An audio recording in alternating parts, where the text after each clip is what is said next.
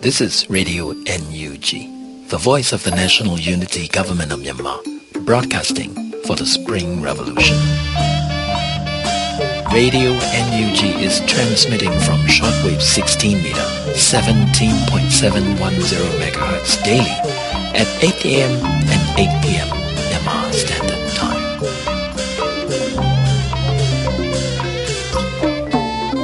မင်္ဂလာပါခင်ဗျာအမျိုးသားညီညွတ်ရေးအစိုးရရဲ့အသံလွှင့်ဌာနက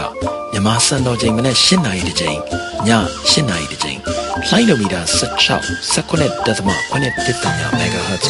နေ့စဉ်အသံလွှင့်ပေးနေပါပြီမြန်မာနိုင်ငံသူနိုင်ငံသားများမင်္ဂလာအပေါင်းနဲ့ပြည့်စုံကြပါစေခုချိန်ကစပြီး Radio NUG အစီအစဉ်လေးကိုဓာတ်ရိုက်အသံလွှင့်ပေးနေပါပြီ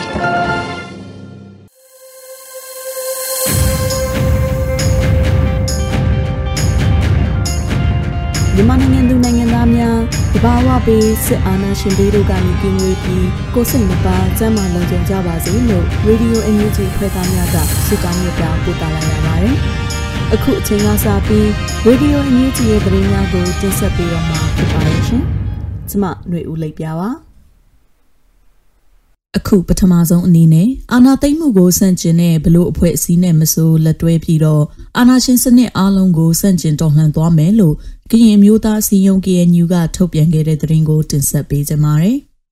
အာနာသိမ့်မှုကိုစန့်ကျင်တဲ့ဘလို့အဖွဲ့အစည်းနဲ့မဆိုလက်တွဲပြီးတော့အာနာရှင်စနစ်အားလုံးကိုစန့်ကျင်တော်လှန်သွားမယ်လို့ကရင်မျိုးသားစီယုံ KNU က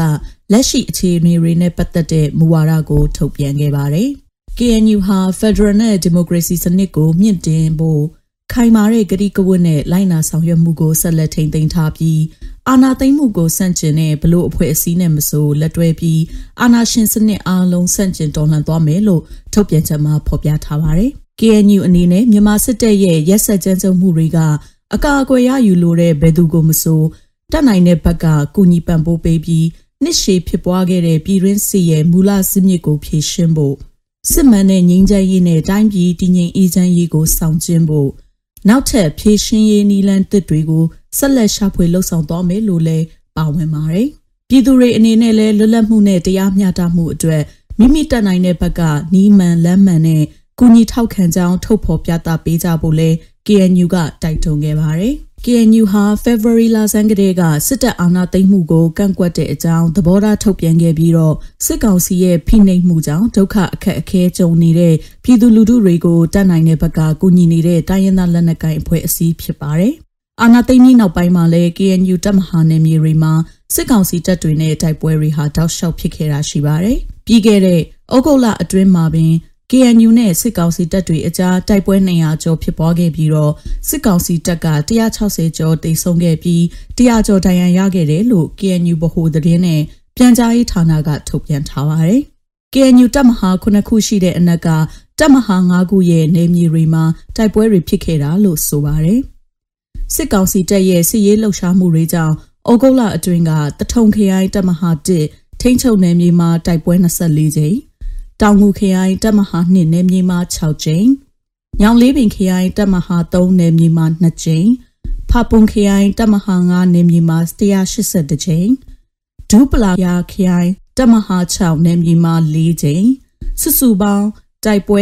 218ကြိမ်ဖြစ်ပွားခဲ့တယ်လို့ထုတ်ပြန်ခဲ့ပါတယ်။အဲ့ဒီတိုက်ပွဲတွေကြောင့်စစ်ကောင်စီဘက်မှ166ဦးသေ100ဦးဒဏ်ရာရခဲ့တယ်လို့ထုတ်ပြန်ခဲ့ပါတယ်ရှင်။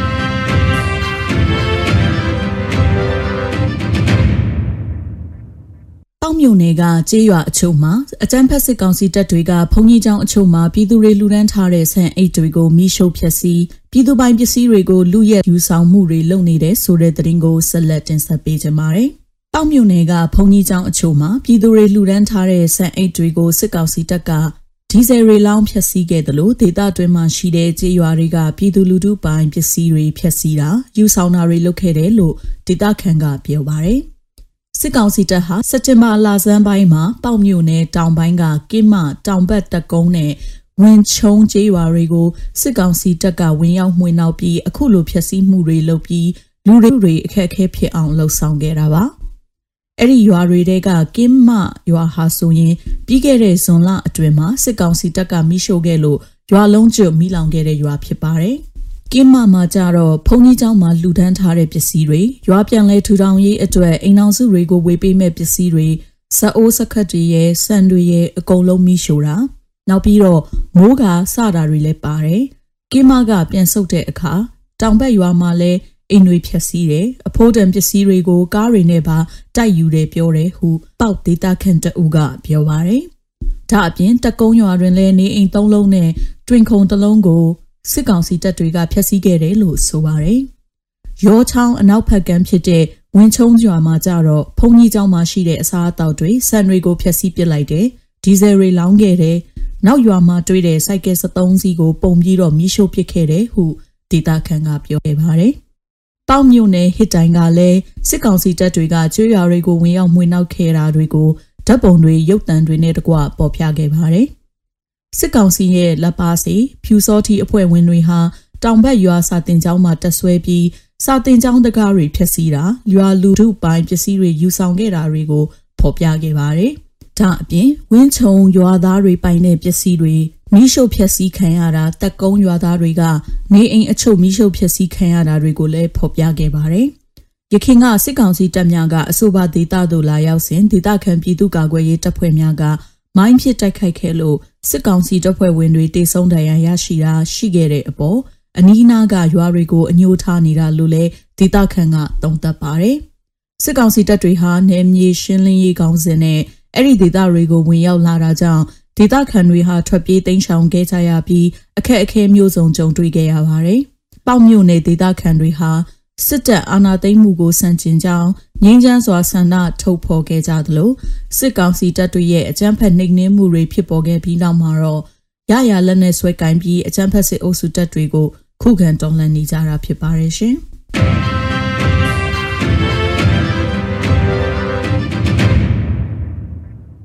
အခုနောက်ဆုံးအနေနဲ့ခလေးမြို့နယ်ပြည်သူ့ကာကွယ်ရေးတပ်ဖွဲ့ PDF ကတိုက်ခိုက်ခဲ့လို့စစ်ကောင်စီတပ်ဖွဲ့ဝင်အ ਨੇ ဆုံး၈ဦးသေဆုံးခဲ့တဲ့တဲ့ရင်ကိုတင်ဆက်ပေးမှာဖြစ်ပါတယ်။ခလေးမြို့နယ်ကကြေးရွာလူထုတွေကိုဖိနှိပ်ခဲ့တဲ့စစ်ကောင်စီတပ်ကိုခလေးမြို့နယ်ပြည်သူ့ကာကွယ်ရေးတပ်ဖွဲ့ PDF ကကြားဖြတ်တိုက်ခိုက်ခဲ့လို့စစ်ကောင်စီတပ်ဖွဲ့ဝင်အ ਨੇ ဆုံး၈ဦးသေဆုံးခဲ့တယ်လို့ PDF ကသတင်းထုတ်ပြန်ပါတယ်။ခလေးမြို့နယ်တောင်ပိုင်းမြစ်တာမြစ်အရှိတ်ဘက်ကမ်းမှာရှိတဲ့ အင်းကျွန်းကျေးရွာကိုဝင်ရောက်စီးနှင်းတဲ့စစ်ကောင်စီတပ်ကို PDF ကကြားဖြတ်တိုက်ခိုက်ခဲ့လို့စက်တင်ဘာ3ရက်နနက်9နာရီကနေ10နာရီခန့်ကြာအောင်တိုက်ပွဲဖြစ်ခဲ့တယ်လို့ဆိုပါတယ်။စက်တင်ဘာ4ရက်နနက်ပိုင်းမှာလည်းလဲချားရွာအနီးမှာ2နာရီကြာထပ်မံတိုက်ပွဲဖြစ်ခဲ့တယ်လို့ PDF ကထုတ်ပြန်ပါတယ်။ တိုက်ပွဲနှစ်ရက်အတွင်းမှာစစ်ကောင်စီကြေးကျွန်းအကြမ်းဖက်စစ်သားအ ਨੇ ဆုံး၈ဦးသေဆုံးပြီး PDF တပ်ဖွဲ့ဝင်3ဦးလက်နက်ကြီးအစအနထိမှန်ဒဏ်ရာရခဲ့တယ်လို့ထုတ်ပြန်ချက်မှာဖော်ပြထားပါတယ်။စစ်ကောင်စီတပ်ဟာလဲချာကုတ်ကိုနဲ့ရှားတော့ချေရွာတွေကိုဝင်ရောက်စီးနင်းပြီးချေရွာပြည်သူတွေရဲ့နေအိမ်တွေကိုမှွေနှောက်ဖျက်ဆီးနေဆဲဖြစ်တယ်လို့လည်း PDF ကထုတ်ပြန်ခဲ့ပါတယ်။ရှားတော့ရွာအတွင်းက နေအိမ်တွေကိုလည်းစစ်ကောင်စီတပ်ကမိရှို့ဖျက်ဆီးနေတယ်လို့ဖော်ပြခဲ့ပါတယ်။စစ်ကောင်စီတပ်ဖွဲ့တွေရဲ့အကြမ်းဖက်ရန်ပြုမှုတွေကြောင့်ကျေးရွာနေပြည်သူတွေဟာဘေးလွတ်ရာတိတ်ဆောင်ထွက်ပြေးနေကြရပြီး PDF တပ်ဖွဲ့ဝင်တွေကလိုက်ပါဆောင်ရှောက်ကောက်ွယ်ပေးလျက်ရှိတယ်လို့လည်းထုတ်ပြန်ခဲ့ပါတယ်ရှင်။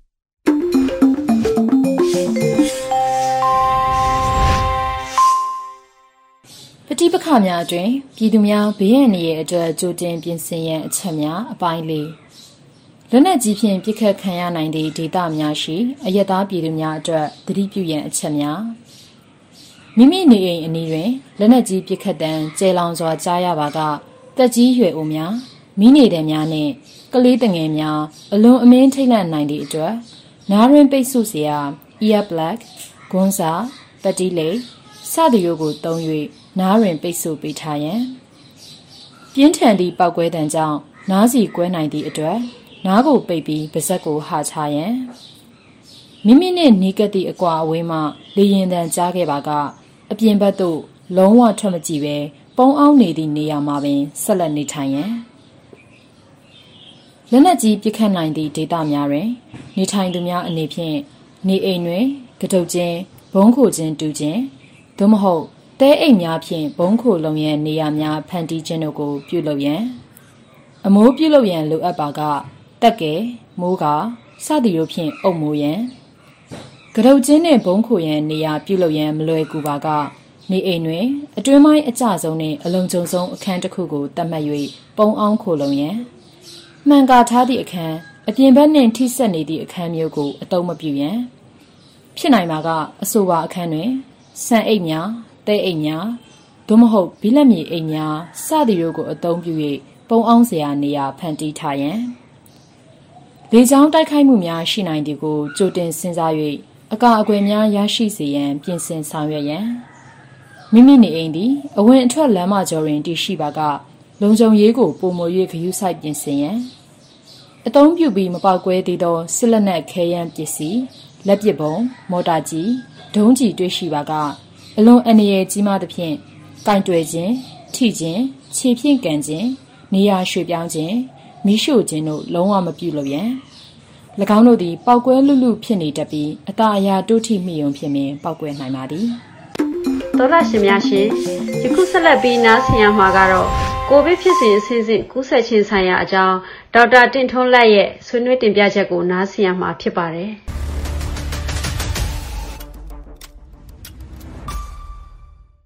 ကိုဗစ်ယောဂသည်လူကိုဘယ်လိုသိသိနိုင်တာလဲပေါ့ ကိုဗစ်ယောဂဘာလို့သိစေလဲဆိုတာကိုမပြောခင်မှာကျွန်တော်ကိုဗစ်ယောဂဘယ်လိုဖြစ်တာလဲဆိုတဲ့အကြောင်းအရင်ပြောပြပါမယ်ကိုဗစ်သည်တခြားဒီကိုရိုနာဗိုင်းရပ်စ်ကနေပြီးတော့ခန္ဓာကိုယ်ထဲကိုဝင်ရောက်လာတဲ့အခါမှာသူကနေပြီးတော့ယောဂကိုဖြစ်စေတာဘယ်အချိန်မှာစဖြစ်လဲခန္ဓာကိုယ်ထဲကိုဝင်ပြီးတပတ်က၄ရက်ကနေတပတ်လောက်အတွင်းမှာစပြီးတော့ယောဂလက္ခဏာပြတတ်တယ်တချို့ဆိုရင်လည်းကြာတတ်ပါတယ်အဲ့တော့ယောဂလက္ခဏာပြတဲ့အခါမှာခန္ဓာကိုယ်ထဲဝင်ပြီးဒီကိုဗစ်ယောဂဒီ COVID-19 ယောဂတစ်ခုလုံးရဲ့ ဖြစ်စဉ်တွေမှာနံပါတ်1ပထမဆုံးဘာစဖြစ်လဲဆိုတော့ viral replication လို့ခေါ်တယ်ယောဂရဲ့ပိုးကောင်ကြီးပွားများတဲ့ phase ပွားများတဲ့ကာလပေါ့နော်အဲ့ဒါဒီပထမများသောအားဖြင့်တစ်ပတ်ကနေပြီးတော့10ရက်လောက်ကြာတတ်တယ်အဲ့ဒီကာလအတွင်းမှာလူနာသည်လက္ခဏာပြကျင်လည်းပြမယ်ပြကျင်မှလည်းပြမယ်အဲ့တော့ဒီကာလအတွင်းမှာဒီခန္ဓာကိုယ်ရဲ့အသက်ရှူလမ်းကြောင်းအတွင်းထဲမှာဖြစ်စေနောက်အာယုံကြောတွေထဲမှာဖြစ်စေ နော်ကိုဗစ်ဗိုင်းရပ်ကပြန့်နှံ့ပြီးပွားများပြီးတော့စပြီးတိုက်ခိုက်တဲ့ကာလဖြစ်တဲ့အတွက်ကြောင့်မလို့အဲ့ကာလသည်အရန်ကိုကူးစက်လွယ်ပါတယ်အဲ့ကာလအတွင်းမှာဒီလူနဲ့ထိတွေ့ဆက်ဆံတဲ့လူတွေကသူ့စီယာ virus တွေရသွားဖို့ကူးစက်သွားဖို့ chance အရန်များပါတယ်အဲ့တော့နံပါတ်1ကအဲ့လို virus တွေပွားများနေတဲ့ကာလပါခန္ဓာကိုယ်ကအပြန်လာတဲ့ရန်သူဘယ်တော့မှဒီတိုင်းအလကားမထားပါဘူးပြန်တိုက်ပါတယ်အဲ့တော့ပွားများနေတဲ့ကာလပြီးသွားရင်ပြန်တိုက်တဲ့ကာလကိုရောက်လာပါတယ်ပြန်တိုက်တဲ့အခါကျရင် စစ်မြေပြင်တစ်ခုလိုပါပဲ virus တွေဝင်လာတယ်ခန္ဓာကိုယ်တွေကနေပြန်ပြီးတုံ့ပြန်တိုက်ခိုက်တယ်တိုက်ခိုက်တဲ့အခါကျတော့ကျွန်တော်တို့ဒီခန္ဓာကိုယ်အဆုတ်ကြွက်သားတွေအဆုတ်တွေနောက်ပြီးတော့ဒီအသက်ရှူလမ်းကြောင်းတွေကဘာဖြစ်သွားလဲဆိုတော့စစ်မြေပြင်ဖြစ်တဲ့ကြောင့်မလို့တိုက်ခိုက်ခံလိုက်ရတယ်တိုက်ခိုက်တဲ့စစ်ပွဲဖြစ်သွားတဲ့နေရာမှာပျက်စီးမှုတွေရှိလာတယ်အဲ့တော့အဲ့ပျက်စီးမှုတွေရှိလာတယ်စစ်ပွဲဖြစ်လာတယ်အဲ့လိုမျိုးဒီတုံ့ပြန်မှုတွေကြောင့်မလို့ဒီတိုက်ပွဲတွေကြောင့်မလို့ခန္ဓာကိုယ်ထဲမှာအဆုတ်ကကောင်းကောင်းအလုံးမလုံးနိုင်တာရှိတယ်အဲ့ချိန်ကျရင် အဆုတ်ထဲအဆုတ်ရဲ့အဓိကအလုပ်ကတော့ကျွန်တော်တို့ခန္ဓာကိုယ်လိုအပ်တဲ့နေရာမှန်သမျှအောက်ဆီဂျင်ပြောင်းအောင်လုပ်ပေးတာအဲ့တော့အဆုတ်ကကောင်းကောင်းအလုံးမလုံးနိုင်တော့ခန္ဓာကိုယ်ရဲ့အောက်ဆီဂျင်တွေကျလာတယ်ပြန်ပြီးတော့တုံ့ပြန်တဲ့ phase ကျွန်တော်တို့ဆေးခေါ်ကတော့ inflammatory phase လို့ခေါ်တယ်ပြန်ပြီးတိုက်ခိုက်တုံ့ပြန်တဲ့ကာလပေါ့နောက်ပြီးအဲ့ကာလကြော်သွားပြီးတုံ့ပြန်တာစစ်ပွဲပြီးသွားပြီဆိုရင်ဘာဖြစ်လဲ recovery လို့ခေါ်ပါတယ်ပြန်လဲနလန်ထူလာတယ်ဟိုမှာစစ်မြေပြင်တစ်ခုလုံးပျက်စီးသွားတယ်ပျက်စီးသွားတဲ့စစ်မြေပြင်ပြန်လဲတိဆောက်တာပြန်လဲနလန်ထူလာတဲ့ကာလဖြစ်ပါတယ်တချို့ကလုံးဝပြန်ကောင်းသွားပါတယ်ဒါပေမဲ့အဲ့ကာလအရေးကြီးပါတယ် ပြန်လဲထူထူထောင်နေတဲ့ကာလအတွင်းမှာအမှားယွင်းလုံးပြီလို့ရှိရင်ငကိုကစစ်တန်ကြောင်းမလို့ထိခိုက်နေတဲ့နေရာတွေကပို့ပြီးတော့ဒုက္ခရောက်သွားတတ်တယ်အဲ့တဲ့ကြောင့်မလို့ယောဂကောင်းလာပြီးမှငါတို့ကယောဂတက်တာလာပြီးတက်တာပြီးတော့မှရုပ်တရက်ကြီးတည်သွားတယ်အဲ့ဟာဒီကာလမှာဖြစ်တာပါကျွန်တော်တို့ဆေးခေါ်မှာတော့ cytokine storm လို့ခေါ်တယ်ရန်သူကမရှိတော့ဘူးတည်သွားပြီဒါပေမဲ့အဲ့ခါကျမှပဲဒီခန္ဓာကိုယ်ကနေပြီးတော့ပြန်ပြီးတော့တိုက်ခိုက်မဲ့လက်နက်တွေအများကြီးထုတ်ပလိုက်တာရန်သူကတော့မရှိတော့ အဲ့တော့တိုက်ခိုက်မဲ့လက်နက်တွေရန်သူမရှိမှရှိနေအောင်ရှိနေတယ်လို့ထင်ပြီးတော့ခန္ဓာကိုယ်ထဲမှာရှိနေတဲ့စိတ်ပိုင်းတွေအင်္ဂါအစိတ်ပိုင်းတွေကိုတိုက်ခိုက်တယ်တိုက်ခိုက်တဲ့အခါကျတော့ခန္ဓာကိုယ်ထဲမှာကိုယ့်ရဲ့ဒီအဆုတ်ကြွသားတွေအဆုတ်ရဲ့အသက်ရှူတဲ့ system တွေနောက်အုံနောက်တွေနောက်ဒီအစာအိမ်စသဖြင့်နေရာပေါင်းစုံဒါ system ပေါင်းစုံလိုက်ပြီးတော့တိုက်ခိုက်ခံရတဲ့အခါကျတော့ကိုကိုကိုကိုပြန်တိုက်ခိုက်တယ်လို့ဖြစ်ပြီးတော့ဒါခန္ဓာကိုယ်မှာဒီစနစ်တွေအကုန်ချုပ်ယွင်းပြီးတော့အသက်အန္တရာယ်အသက်ဆုံးပါတဲ့အခြေအနေမျိုးဖြစ်သွားတတ်ပါတယ် ဒီဟာဒီအရန်အရေးကြီးပါတယ်ကောင်းသွားပြီးမှပြန်သေသွားတယ်ဆိုတာဒီဒီအချက်ကြောင့်ဖြစ်ပါတယ်အဲ့တော့ဒါဒီကျွန်တော်တို့ကိုဗစ်ယောဂရဲ့ဖြစ်စဉ်လေးဖြစ်ပါတယ်ဆဆက်လက်ပြီးဂျန်စည်းတွေပေါ်ထားရှိတဲ့ပြည်သူလူထုရဲ့သဘောထားအမြင်တွေကိုနားဆင်ရမှာဖြစ်ပါတယ်ဒီမျိုးဆက်တွေအကြောင်းပဲတို့မြန်မာနိုင်ငံကြီးကဟိုတောင်ကျိုးကြီးတချို့ပြောင်းသွားတယ်လို့ခံစားမှာပါ တကယ်လေးကိုထက်ထက်မြက်မြက်ရှိတာလည်းပါတယ်ပြီးတော့ information ဘိုင်းတွေကောင်းလာတာကြီးလည်းတွေ့ရတယ်အသက်တွေပြီးရှင်တို့ရဲ့စီးစိမ်ဥစ္စာတွေတို့ရဲ့မိသားစုတွေကိုပမာဏမထားဘဲနဲ့သူတို့အကောလုံးဟိုစုံစားပြီးတော့ဗောနော်အဲဒီစနစ်ဆိုးယူဝိုင်းပြီးတိုက်ထုတ်ပေးနေတဲ့အတွက်ကြောင့်မလို့အရန်ကိုလေးစားပါတယ်လို့ပြောချင်ပါတယ်။မတို့မလုံးနိုင်ဘူး။ခဲသမျှသူတို့လုံးနိုင်တယ်ဟိုဒီကလေးတွေရဲ့လှုပ်ဆောင်ခဲ့တဲ့လုပ်ရက်တွေ ဟုတ်လားဟိုတိုက်ပွဲဝင်ခဲ့တဲ့စိတ်သက်တွေဒီလက်နက်တစုံတရာမရှိပါဘဲနဲ့ဒီအစွမ်းတက်တဲ့လက်နက်ဒီကယ်ဆောင်လာတဲ့လက်နက်ကင်တပ်ဖွဲ့တွေကိုရင်ဆိုင်တဲ့အခါမှာတို့ဒီစပစ်တဲ့ခြေအနေစပြီးအခုချိန်ထိနော်ဟိုနောက်မဆုတ်တန်းရှေ့စွမ်းနေပြီးတော့ရဲရဲဝုန်းဝုန်းရေးစားပြီးတော့ဘလို့မှဒီလူလူရဲ့ကြားထဲမှာမထင်မှတ်ထားတော့စမ်းဆောင်တာနိုင်တဲ့စမ်းဆောင်တာနိုင်တဲ့အတွက်သူတို့တွေအောင်မြင်မှာပါတိတ်တပေါက်ကိုအောင်မြင်မှာပါသူတို့လေးအခုလက်ရှိကြိုးစားနေရတာဆိုရင်ကျွန်တော်တို့အရင်ရင်ချိန်နေတဲ့အဆိုင်ပို့ပြီးတော့ အားရတယ်ပြောမှာနော် generation Y တချို့မှမရှိတဲ့တက်တိတွေရောအာစမ်းဆောင်ရည်တွေရောအများကြီးတွေ့လိုက်ရတယ်လိုအပ်တဲ့အချိန်မှာပြစ်နေရကြတဲ့ကဖမ်းနေရကြတဲ့ထွက်တယ်ဆိုတာဒါအမခန့်တဲ့တတိလို့ပဲပြောရမှာပါဗျာ။ကလေးတွေအရန်တော်ပါလေကိုကိုယ်တိုင်ဝင်ချကြတယ်ပတ်သက်ရှိရင်လက်လက်တောင်ဝယ်ပေးကြတယ်ကျွန်တော်တို့ဒီဟာကိုအကုန်လုံးအတူတကွတိုက်ရမယ်ခါရမယ်အချိန်တွေရောက်နေပြီပေါ့နော်ဦးတို့တက်ရှိနေတဲ့ကလပ်ပတ်လုံးကတော့ ဘယ်နည်းနဲ့ပဲဖြစ်ဖြစ်ပေါ့ဘယ်လိုပဲရက်တီရရက်တီရရက်တီသွားမယ်လို့တော့ဦးကတော့ဆုံးဖြတ်ချက်ရှိတယ်ကွာတေချာဘောက်ကိုရက်တီတော့မှာပါသူတို့ရှေ့ကဥဆောင်သလိုအမားတို့အနောက်ကနေပြီးတော့သူတို့ဘာတွေ supporting လုပ်ပေးရမလဲသူတို့တွေဒီနောက်ွယ်ရနေဘက်ကအနေနဲ့နေရန်ဒီ generation စီမျိုးဆက်တစ်တွေအပေါ်မှာ။သူတို့ငွေရလူအားကုန်ထောက်ပါမယ် generation ဆိုပြီးတော့ဟိုခေါင်းစဉ်ပဲတက်စီခြင်းတယ်ပေါ့နော် XYZ ဆိုပြီးတော့မခွဲခြားဘဲနဲ့အကုန်လုံးအမတို့ပူးပူးပေါင်းပေါင်းနဲ့ အကုန်လုံးဝိုင်းပြီးတော့ကူညီပေးပါမယ်လို့အမတို့ပြောချင်ပါတယ်အားမနေပါနဲ့အဆုံးထိကိုကျွန်တော်တို့အားပေးကူညီပြီးတော့သူလည်းပြောတော့မှာပါရှင်းတော့မှာကွာခေတ်စကားအရပြောမယ်ဆိုဂလေဦးရောင်နေမဟုတ်ကွာအကုန်လုံးပညာတတ်လေးဆိုတဲ့အခါကျတော့တမျောတယ်နိုင်ငံကနောက်ဖြစ်လာမဲ့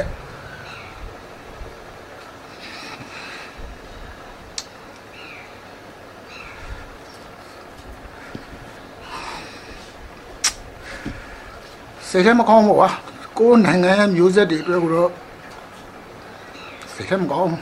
သူတို့မိသားစုရဲ့ပေးလိုက်ရတဲ့အသက်တွေနဲ့တန်အောင်ရေးတော်ပုံကြီးကိုအောင်မြင်အောင်ကြိုးစားပေးပါမယ်လို့ကိုယ့်ရဲ့ဟိုမိသားစုဝင်တယောက်ဆုံးရှုံးသွားတာမှန်ပေမဲ့ဒီအခုဆုံးရှုံးသွားတဲ့လူတွေအကုန်လုံးကနိုင်ငံတစ်ခုလုံးအတွက်ပေါ့နော်ဒီမိသားစုတစ်ခုတည်းအတွက်တော့မဟုတ်ပါဘူးနိုင်ငံတစ်ခုလုံးအတွက်ကိုဒီမှာအခုရှိနေတဲ့နောက်လာမယ့် generation တွေအတွက်ပေါ့နော် ဇက်အတွက်တည်းမဟုတ်ဘူးအခု alpha beta တွေအတွက်ပါသူတို့စွန်စားပေးခဲ့တဲ့အတွက်ကြောင့်မလို့ဒါနိုင်ငံရဲ့သူရဲကောင်းပါဘူးကလေးတွေကြာဆုံးသွားတာလေမြင်နေတွေ့တယ် Facebook တွေမှာရှင်ကွဲအောင်ခံစားသူတို့မိသားစုနဲ့ထပ်တူလည်းခံစားရတယ်။ဘာပဲဖြစ်တိုင်းပြည်လုံးလွတ်မြောက်ဖို့အတွက်ကိုရင်းနှီးပစ်ဆက်တယ်ဆိုပြီးတော့သူရဲကောင်းတွေရဲ့မိသားစုဝင်ပြည်ပြည်မိဘတွေပြည်ပြည် ဂုံယူတက်တဲ့ဂုံယူနိုင်တဲ့စိတ်မျိုးမွေးဖို့ပဲဥပတိုက်တွန်းနေတာကွာကျွန်တော်တို့ဆိုလို့ရှိရင်လည်းဟိုဝင်းနဲ့ပတ်လက်ပါပဲဗျယောက်ျားတက်မဲ့ကြီးလည်းတစ်ချိန်တိုင်းငိုနေရတော့ပေါ့နော်။ဝမ်းနဲ့စရာတစ်ခုဆိုပေမဲ့လည်းဂုံယူရမှာပါ။ဘယ်တော့မှလည်းမေ့မှာမဟုတ်ပါဘူးအားပေးရမယ့်အခြေအနေတစ်ခုမဟုတ်တော့ဘဲနဲ့ကိုယ်တိုင်ဝင်ပြီးတော့တိုက်ရမယ့်အခြေအနေတစ်ခုရောက်လာပြီဆိုတဲ့အတွက်ကြောင့်ကျွန်တော်တို့ကတော့အမြင်နဲ့စဉ်းစားရှိပြီးတော့ဒီပွဲကိုမနိုင်နိုင်အောင်တိုက်မယ်ဆိုတော့ စိတ်ဆုံးဖြတ်ထားပြီးပါဗျာအားပေးနေတာတွေလည်းများတယ်နောက်တစ်ခုကစိုးရိမ်တာတွေလည်းနည်းနည်းလေးရှိတယ်ကွာ။ဆက်လုပ်ပါအတူတူရှိနေပါတယ်လို့မတွန့်ဆုတ်ဖဲနဲ့ရှေ့ဆက်သွားဖို့အတွက်ကိုတော့အများအားအားပေးနေတယ်သူတို့တွေလည်းဘယ်တော့မှတွန့်ဆုတ်မဲ့လူကမျိုးမဟုတ်ဘူးဆိုတာကိုလိုဘက်ကယုံကြည်အားကိုး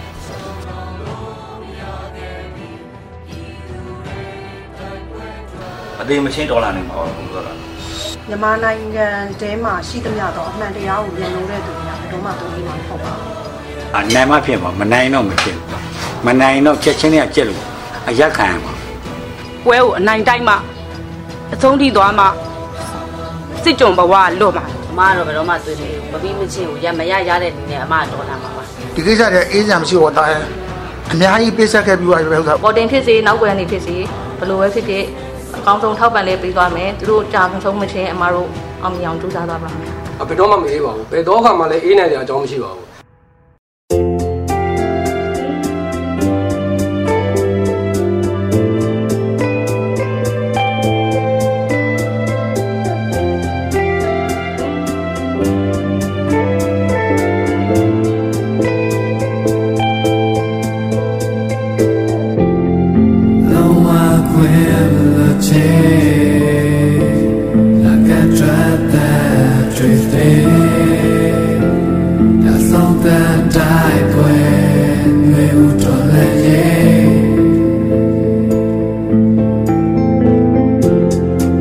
တော်မ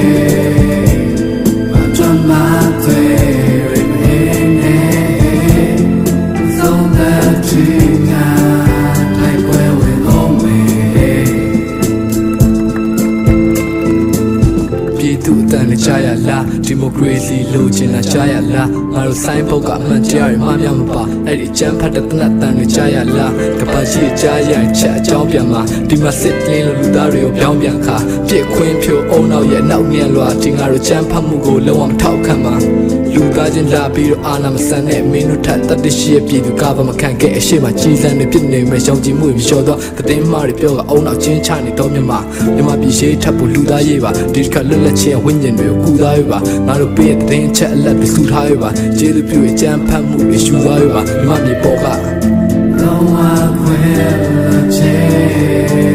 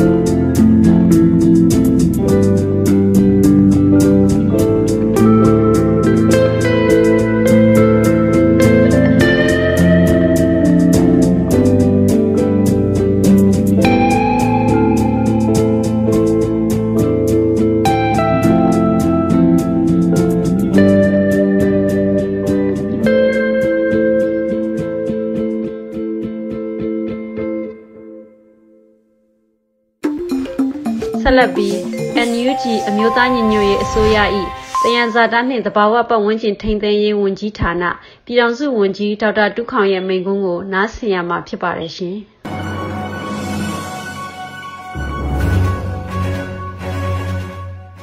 ဒီသောအပါတော်မြန်မာနိုင်ငံသူနိုင်ငံသားများခင်ဗျာကျွန်တော်ကတော့မြို့သားညီညွတ်ရေးအစိုးရတရားစာရနဲ့တဘာဝပတ်ဝန်းကျင်ထိန်းသိမ်းရေးဝန်ကြီးဌာနကပြည်ထောင်စုဝန်ကြီး ဒေါက်တာတူးခေါင်ဖြစ်ပါတယ်ပထမဦးစွာနှွေဦးတော်လိုင်းရေးတိုက်ပွဲအတွင်းပြည်သူအတွက်ပေးဆက်ရင်ကြာရှုံးသွားသောအစာနေများစီရီယမ်လှူရှားမှုပေါင်းတော့ဝန်ထမ်းများနဲ့ကျောင်းသားကျောင်းသူအားလုံးကိုဒီနေရာကနေဂုဏ်ပြုလိုက်ပါတယ်ဒီကာလဟာလွတ်လပ်မှုတရားမျှတမှုနဲ့ Federal Democracy စနစ်ကိုမျက်နှိုးတံပိုးထားကြတဲ့မြန်မာနိုင်ငံဒေသအသီးသီးမှာဒီတင်းနေထိုင်ကြတဲ့တိုင်းသားပြည်သူပေါင်းက စစ်အာဏာရှင်ကိုညီမျိုးစုံနဲ့ညီညီညွတ်ညွတ်တော်လှန်နေကြပါတယ်မြန်မာနိုင်ငံဟာရေမြေတိုးတောင်တဘာဝပိုးကျွေဝပါမယ်အာဏာရှင်စနစ်ရဲ့စိုးကြိုးကြောင့်ခိတ်ဆက်ဆက်မစင်မချင်းထုတ်ယူခဲ့ကြလို့လက်ရှိမြန်မာနိုင်ငံရဲ့တဘာဝကေဟစနစ်တွေပျက်စီးယူညွှန်းနေရှိပါတယ်ဒီပြိုင်လေးမှာကမ္ဘာရာသီဥတုပြောင်းလဲမှုအတွက်ပြင်းထန်တဲ့တဘာဝဘေးတွေကြောင့်ပြည်သူတွေရဲ့လူမှုစီးပွားရေးအခြေအနေဟာ စိုးစိုးဝါးဝါထိခိုက်ခံစားနေရတဲ့အခြေအနေဖြစ်ပါတယ်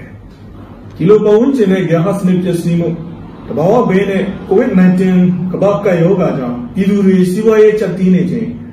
စစ်တပ်ဟာပြည်သူအကျိုးပင်းခဲ့ပဲသူတို့အကျိုးတဲ့အတ္တမအာဏာသိမ်းခဲ့ပါတယ်မြန်မာပြည်တာမကကဘာနေရအနှံ့ပျက်စီးနေတဲ့တဘာဝပတ်ဝန်းကျင်နဲ့ဂေဟစနစ်ကိုပြန်လည်တည်ထောင်ထိန်းသိမ်းဖို့ကမ္ဘာကုလသမဂ္ဂနှစ်စဉ်ဇွန်လ9ရက်နေ့ကို ကမ္ဘာပတ်ဝန်းကျင်ထိန်းသိမ်းရေးနေ့အဖြစ်သတ်မှတ်ပြီးကဏ္ဍပေါင်းစုံကကောင်းထည်ဖော်လျက်ရှိပါတယ်ဒီနေ့ပတ်ဝန်းကျင်ထိန်းသိမ်းရေးနေ့ဆောင်ဖို့ကတော့ reimagine recreate restore ဖြစ်ပါတယ်မြန်မာလိုကတော့ပြန်လည်စဉ်းစားသုံးသပ်တည်ထင်စမ်းသစ်ပြီးတဘာဝကေယစနစ်တွေကိုပြန်လည်တည်ထောင်ကြစို့ပဲဖြစ်ပါတယ်ပြည့်စင်ပြင်ခဏစကပုံတိုင်းပျက်စီးနေတဲ့ကေဟစနစ်တွေကိုပြန်ပြီးထိန်းသိမ်းတည်ဆောက်ဖို့နဲ့ ပျက်စီးခံခဲ့ရတဲ့မြန်မာနိုင်ငံရဲ့ဒီမိုကရေစီစနစ်ကိုပြန်လည်တည်ဆောက်ဖို့ကတိုင်းသားပြည်သူများနဲ့ generation Z အပါအဝင်မျိုးဆက်အားလုံးနဲ့အရေးကြီးဆောင်ရွက်ရမယ့်လုပ်ငန်းတာဝန်လို့ယူဆရပါတယ်တစ်တောပြုံးမှုအများဆုံးဖြစ်တဲ့မြန်မာနိုင်ငံဟာတစ်တောကေဟာစနစ်ပြန်လည်ထူထောင်နိုင်ဖို့အခြေခံကျတဲ့တစ်ပြေဆက်ပြူချင်းမှာ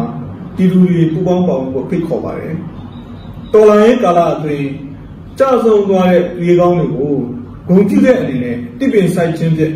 ဂေဟစနစ်ကိုပါပြန်လည်ထိန်းသိမ်းရင်ဒီမိုကရေစီလှုပ်ရှားမှုမှာပူးပေါင်းပါဝင်နိုင်ပါတယ်စိန်ခေါ်မှုအခက်ခဲတိုင်းမှာခွင့်လန်းကောင်းတဲ့အမြဲရှိနေပါတယ်စစ်အာဏာရှင်စနစ်အမြင့်ပြတ်ခြင်းမုံရင်တိုင်းသားပြည်သူများအမြဲညှို့မှန်းခဲ့တဲ့ Federal Democracy ပြည်တော်စုအိမ်မက်ကိုနိုင်ငံရေးအတွင်းအမြင်တစ်နဲ့တည်ဆောက်ဖို့လက်ရှိအချိန်ကောင်းပဲဖြစ်ပါတယ်ကျွန်တော်တို့မြန်မာနိုင်ငံရဲ့ ငြိမ်းချမ်းသာရတဲ့အတိုက်အမြုံဂေဟစနစ်ဟာလည်းဖေဖော်ဝါရီလ1ရက်နေ့စစ်တပ်ကအမတရားအာဏာသိမ်းတဲ့နေ့ကစပြီးယူရင်းပစ္စည်းသွားလို့အခုဆိုရင်တွေးချင်းညီကိုမောင်နှမတွေအတူတကွပြန်လဲတော်လန်ရင်မကြာမီကာလအတွင်းပွင့်လင်းညီမျှတဲ့ Federal Democracy ပြည်ထောင်စုစီရောက်ရှိတော့မှာဖြစ်ပါတယ် Federal ပြည်ထောင်စုစီလမ်းချင်တယ်လို့တစ်ဖက်ကဂေဟစနစ်ပြန်လဲထူထောင်ရင်းမှာလဲပြည်သူတူတယောက်ချင်းမိသားစုတစုချင်းကနေ အခုမိုးကာလမှာတွေးကောင်းတူးစီအတွက်တစ်ပင်တစ်ပင်စိုက်ပျိုးပေးကြဖို့ဒီနေရာကလည်းတက်တွန်းနှိုးဆော်အပ်ပါတယ်ဒီမိုကရေစီပြည်ကောင်းစစ်တပ်အမြဲရှင်တန်နေဖို့စိုက်ပျိုးခဲ့တဲ့အပြင်ပေအမြဲရှင်တန်စင်းလန်းနေအောင်ဆက်လက်ပြုစုတိမ့်သိမ့်ဖို့ကိုလည်းအလဲနဲ့တက်တွန်းလိုပါတယ်ဂေဟစနစ်ပြန်လည်ကြည်တော်ဖို့တစ်ပင်စိုက်ကြစို့ Federal Democracy ပြောင်းစုထူထောင်ဖို့ပြည်သူတရားလုံးပါဝင်စို့ အရေးတော်ကိုအောင်ရမယ်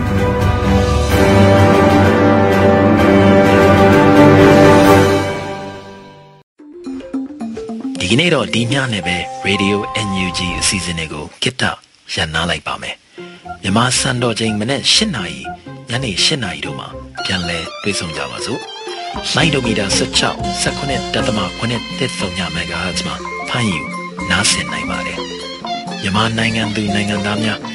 ကိုစိတ်နှပြချမ်းမာချမ်းသာလို့ဘေးကင်းလုံခြုံကြပါစေလို့ Radio NUG အဖွဲ့သူအဖွဲ့သားများဆုတောင်းပေးလိုက်ပါတယ်အမျိုးသားညီညွတ်ရေးအစိုးရရဲ့ဆက်သွယ်ရေးသတင်းအချက်အလက်နဲ့ဤပညာဝန်ကြီးဌာနကထုတ်လွှင့်နေတဲ့ Radio NUG ဖြစ်ပါတယ်။ San Francisco Bay Area ခြေဆိုင်မြန်မာမိသားစုများနဲ့နိုင်ငံတကာကစေတနာရှင်များလှူအားပေးများရဲ့ Radio NUG ဖြစ်ဖြစ်ပါတယ်အရေးတော်ပုံအောင်ရမည်